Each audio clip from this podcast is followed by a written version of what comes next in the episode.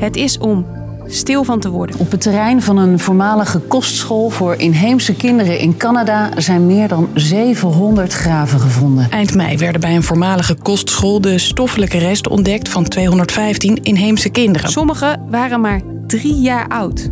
En zij zijn niet de enige die in de vorige eeuw omkwamen op Canadese kostscholen. Experts schatten dat er nog duizenden kinderen anoniem begraven liggen. All around me are unmarked graves. We know that our loved ones here, our ancestors are here. Wat is er aan de hand in Canada en waarom worden deze lugubere begraafplaatsen nu pas ontdekt? Ik ben Hilde en ik leg het je uit. Lang verhaal kort. Een podcast van NOS op 3 en 3FM. Our Lady of Good Studies. Pray for us. Our Lady of Good Studies. Pray for us. Our Lady of Good Studies. We beginnen aan het eind van de 19e eeuw. De Canadese regering wilde af van wat zij noemde the so-called Indian problem. het Indianenprobleem. Het land was al afgepakt van de oorspronkelijke bevolking en daar bleef het niet bij. Ze moesten zich ook aanpassen, vertelt deze expert. Het idee was om de inheemse bevolking wit te laten worden. Te assimileren met witte Canadezen en ze hun hele achtergrond te laten vergeten. Ze mochten hun taal niet meer spreken. En dus kwamen er tientallen kostscholen door het hele land. Meestal gerund door de katholieke kerk. News Magazine salutes Education Week with films of an Indian residential school. They learn not only games and tradition, but the mastery of words. Vanaf 1920 werden de scholen verplicht voor inheemse kinderen. Wilden je ouders dat niet, dan werd je hardhandig ontvoerd door de politie. Op de school zelf ging het er ook hard aan toe. There were strappings. There was ear pulling. Volgens deze overlever probeerden nonnen de oorspronkelijke cultuur en het geloof er letterlijk en figuurlijk uit te slaan. There was soap put in our mouth if, if, if we talked back or if we spoke our language. Die mishandeling, verwaarlozing en ook seksueel misbruik gingen soms zelfs zo ver dat kinderen stierven. You better behave. Don't get out of line because there's the graveyard. And there's also the river. Those were warnings that were given to us as little tiny children, five, six years old. In totaal gingen er in die tientallen jaren zo'n 150.000 inheemse kinderen naar de kostscholen. De hele praktijk is doorgegaan tot het eind van de 20e eeuw. De laatste school ging pas dicht in 1996, niet eens zo lang geleden. Hoeveel kinderen omkwamen, dat is niet bekend, maar experts schatten zo'n 6000. Oké, in de vorige eeuw kwamen dus duizenden inheemse kinderen om op Canadese kostscholen.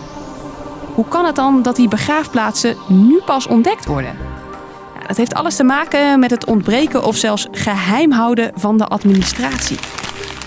Officiële cijfers over het dodental, die zijn er dus ook niet. Scholen markeerden graven niet om geld te besparen. Veel graven liggen nu onder het onkruid. Of zelfs onder een parkeerterrein.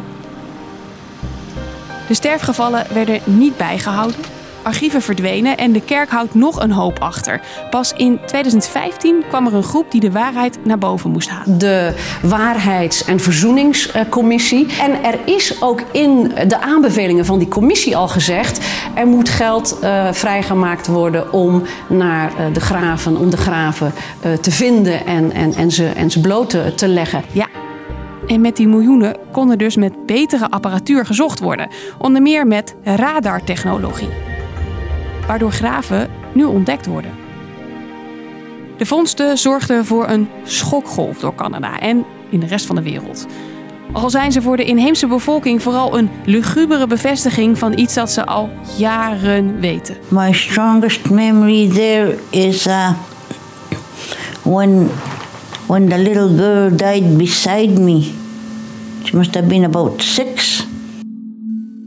Er is dus veel boosheid richting de Canadese regering en de kerk. In the early hours of the morning, members of the Penticton Indian Band spotted flames as a Catholic church burned to the ground. De afgelopen dagen brandden vier kerken af. Vermoedelijk werden ze aangestoken. En al snel wordt gewezen naar de inheemse bevolking. Het zou om wraak gaan. Deze man is duidelijk.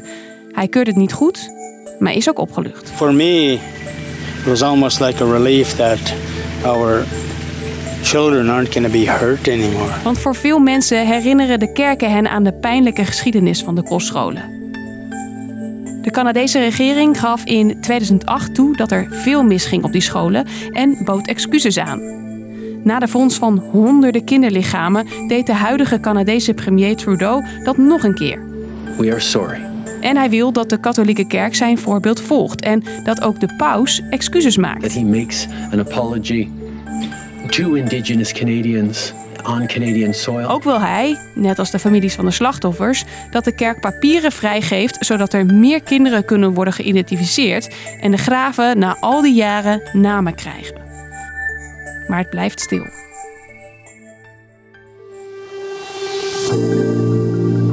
Dus, lang verhaal kort. In Canada worden de afgelopen dagen honderden anonieme graven gevonden van inheemse kinderen.